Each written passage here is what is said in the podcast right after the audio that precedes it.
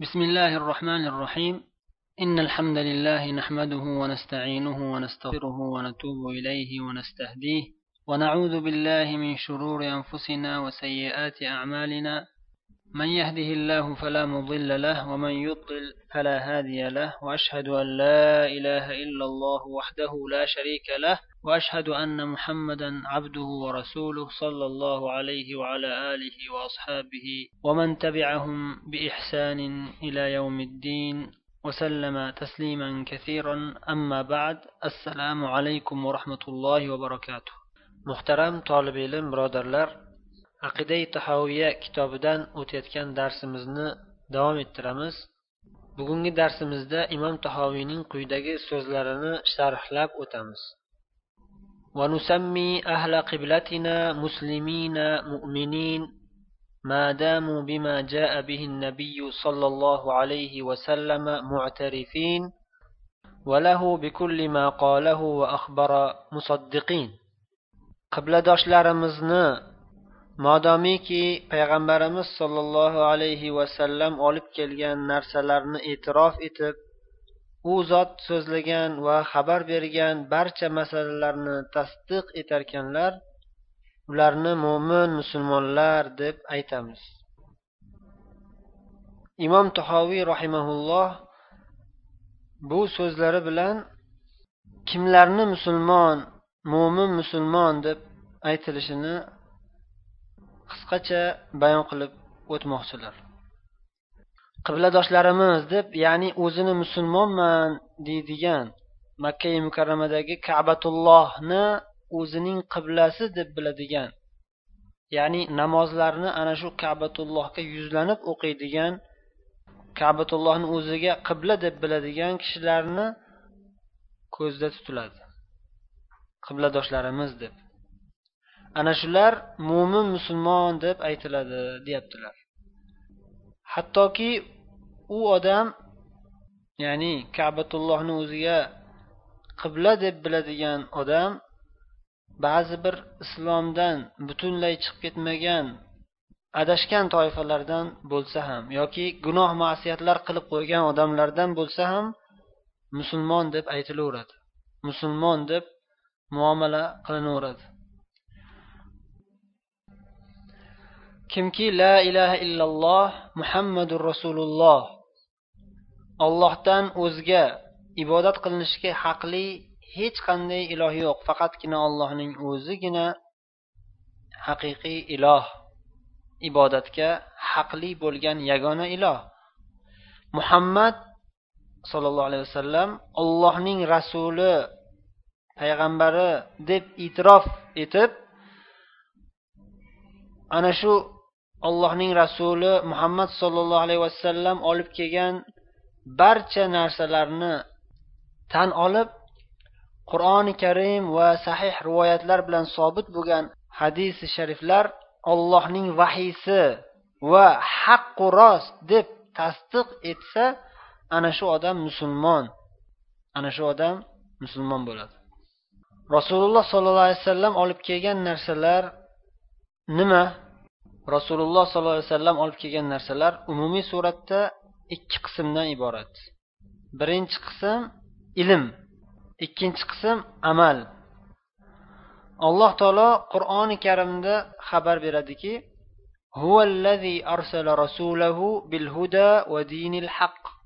u zot ya'ni alloh subhanahu va taolo o'zining rasulini hidoyat hidoyat va haq din bilan yubordi. Mana shu oyati karimada aytilayotgan hidoyat bu rasululloh sollallohu alayhi vasallam o'rgatgan shar'iy ilmlar. Bu oyatda haq din deb aytilgan narsa esa mana shu ilmga asoslanib bajariladigan solih amallar. Ya'ni alloh taolo o'zining rasuli payg'ambarimiz muhammad sollallohu alayhi vasallamni hidoyat bilan ya'ni ilm bilan va haq din bilan ya'ni solih amallar bilan yubordi. Ya'ni shu hidoyatga va solih amallarga ilmga solih amalga da'vat etib yubordi. Da'vat etuvchi chaqiruvchi payg'ambar qilib yubordi. Yana boshqacharoq ta'bir bilan bayon qiladigan bo'lsak aytishimiz mumkinki rasululloh sollallohu alayhi vasallam olib kelgan islom islom dini ilmiy masalalar va amaliy masalalarni o'z ichiga oladi. Ilmiy masalalar deganda e'tiqod aqida iymon masalalari tushuniladi. Amaliy masalalar deganda islom dini bayon qilgan shariat ahkomlari amal qilish kerak bo'lgan farzu vojibu sunnatu mustahab amallar. Bular amal qilishga targ'ib etilgan amallar solih amallar. Ammo tark qilishga buyurilgan yomon amallar esa makruh harom va kufru shirk amallar. Mana shu mana shu makruh harom kufru shirk amallarni ham tark qilish tark qilish solih amal qilganga kiradi. Ya'ni haromu makruhu kufru shirk amallarni tark etish olloh uchun tark etish solih amal hisoblanadi. Demak qaysiki bir odam la ilaha illalloh muhammadur rasululloh deb guvohlik berdimi? Ana shu odam rasululloh sollallohu alayhi vasallam olib kelgan barcha ilmiy va amaliy masalalarni e'tirof etgan va unga qo'lidan kelganicha amal qilishni o'z zimmasiga olgan hisoblanadi. Shuning uchun biz uni musulmon deb nomlaymiz. Hattoki u ichida kofir ustida musulmon bo'lib olgan bir munofiq bo'lsa ham biz uning zohiriga ya'ni tashqarisida ochiq oydin aytayotgan yoki ochiq oydin qilayotgan ishlariga binoan muomala qilaveramiz. Musulmonlikni davo qilyaptimi? Musulmonlarning amalini bajaryaptimi? Bizda uning kofirligiga ochiq oydin hujjat yo'qmi? Bo'ldi. Biz u odamni musulmon deb bilamiz. Ammo ichini ollohga topshiramiz. Maxfiy holatlarini ollohga topshiramiz. Olloh o'zi biladi. Ichida kim mo'min kim kofir olloh o'zi biladi. Ichini bilish bizning ishimiz emas va bizning qo'limizdan ham kelmaydi. Yagona ollohning o'zi biladi. Kim agar ichida kofir bo'lgan bo'lsa qiyomatda baribir hech qayoqqa qochib qutulolmaydi bu dunyoda esa kimki islomga kirganini e'lon qilsa bas biz uni umum musulmonlar qatorida qabul qilaveramiz. Agar bu odam olloh asrasin islomdan chiqarib tashlaydigan kufriy va shirkiy ishlarni qilayotganiga ochiq oydin hujjat qoyim bo'lmasa biz uni hech qachon kofir yoki mushrik yoki murtad dindan qaytgan yoki katta munofiq deb aytmaymiz. Dindan chiqarib tashlaydigan xatarli amallar ma'lum va mashhur u haqida inshaalloh kelajakda alohida darslar o'tamiz. Insonlarni zohiriga binoan muomala qilishimiz lozimligiga hujjatlar juda ham ko'p.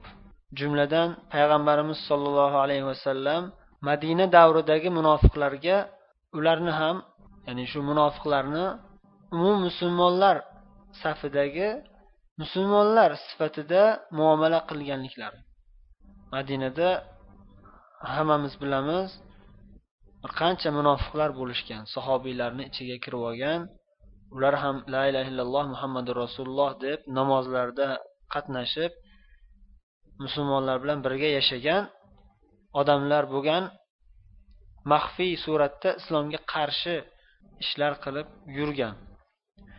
Keyinchalik alloh taolo ularni o'zi fosh qilgan.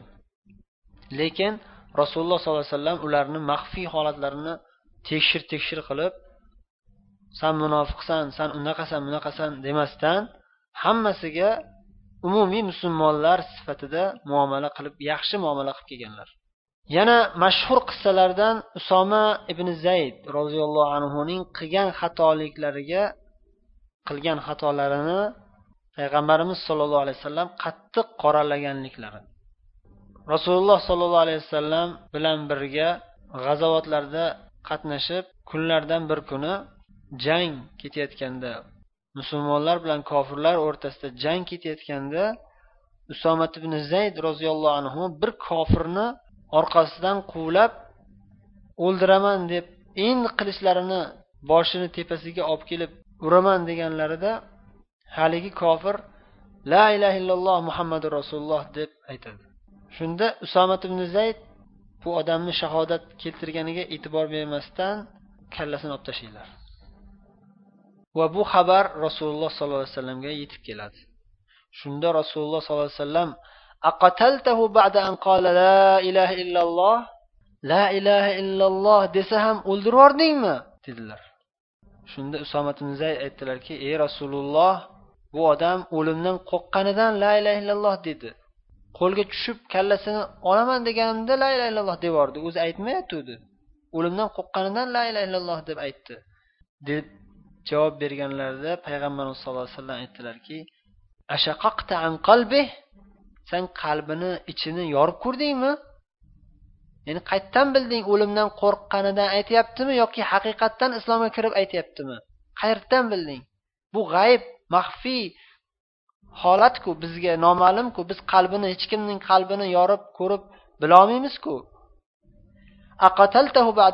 La ilaha illalloh la ilaha illalloh deb aytgandan keyin ham o'ldirib yubordingmi deb yana qayta qayta qayta qayta gapirib shu darajada qattiq tanbeh berdilarki shu darajada qattiq tanqid qildilarki usomat ibn zayd roziyallohu anhu aytadilarki shu payg'ambarimiz sallallohu alayhi vasallamning qattiq tanqidlarini eshitaverganlaridan keyin o'zlariga o'zlari aytganlarki qaniydi men shu vaqtgacha musulmon bo'lmasdan endi yangi musulmon bo'lganimda shu tanbehni eshitmagan bo'lardim deb yubordilar o'zlariga o'zlari.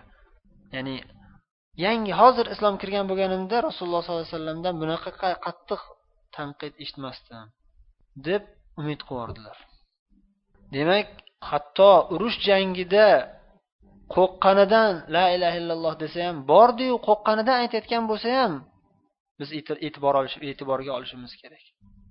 La ilaha illalloh deganini e'tiborga olishimiz kerak.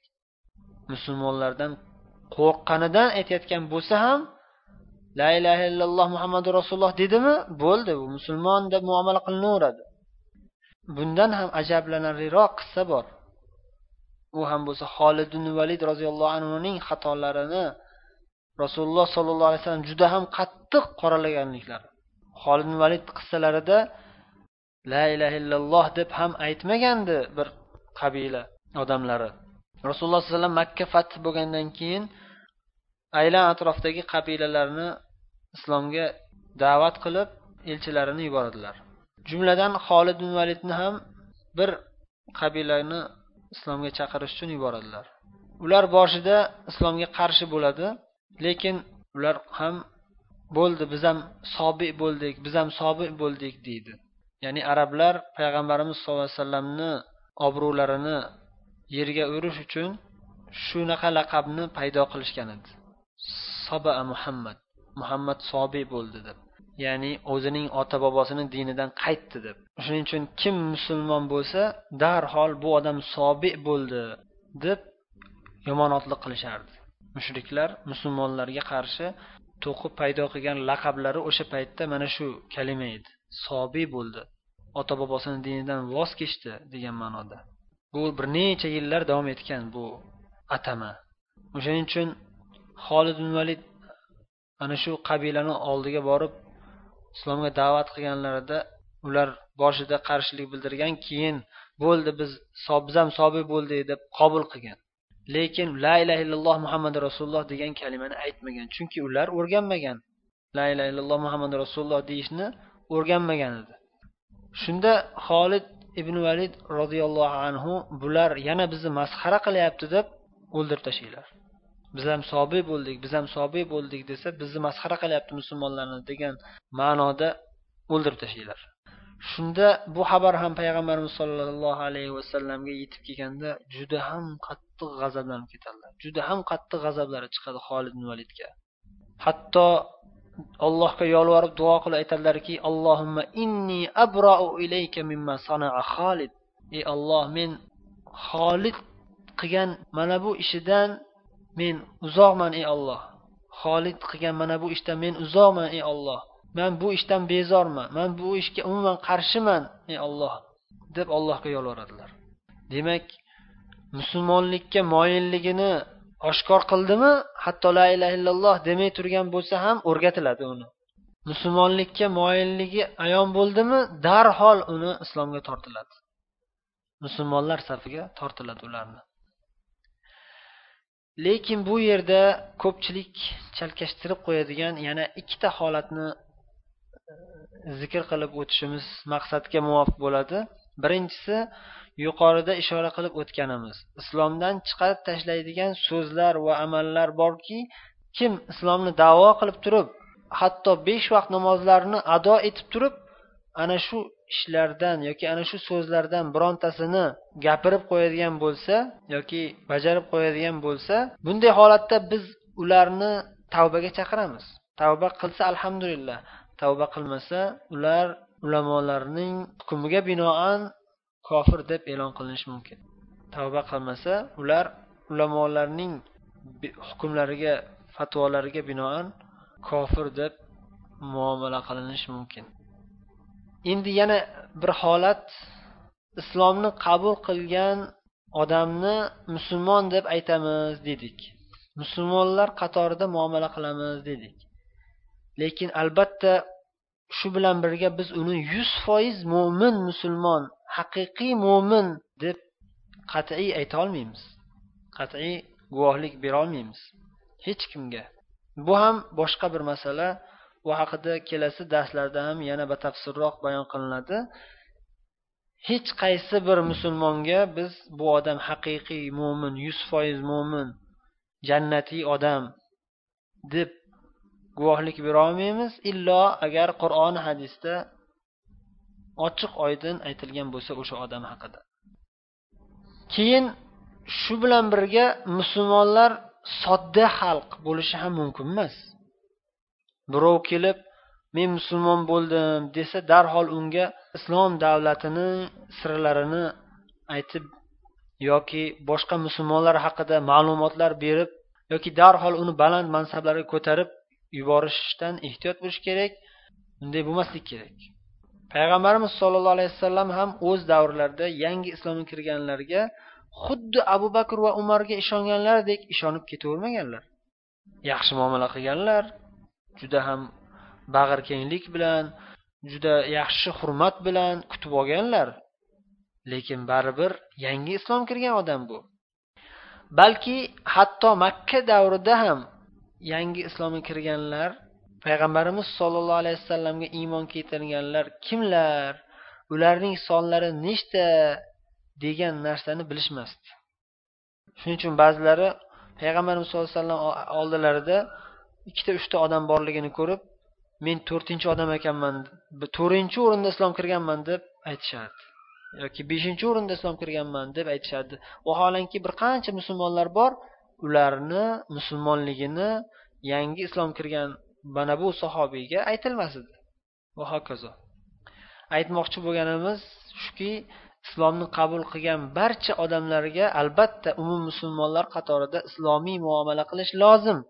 Lekin ehtiyot bo'lish ham lozim. Ehtiyot bo'lish kerak bo'lgan joylarda ehtiyot bo'lish ham lozim. Bugun shu bilan kifoyalanamiz. Vallohu alam va sallallohu vasallam ala nabiyina muhammad va ala alihi va sohbihi va man tabi'ahum bi ihsanin ila yawmiddin. Assalomu alaykum va rahmatullohi va barakatuh.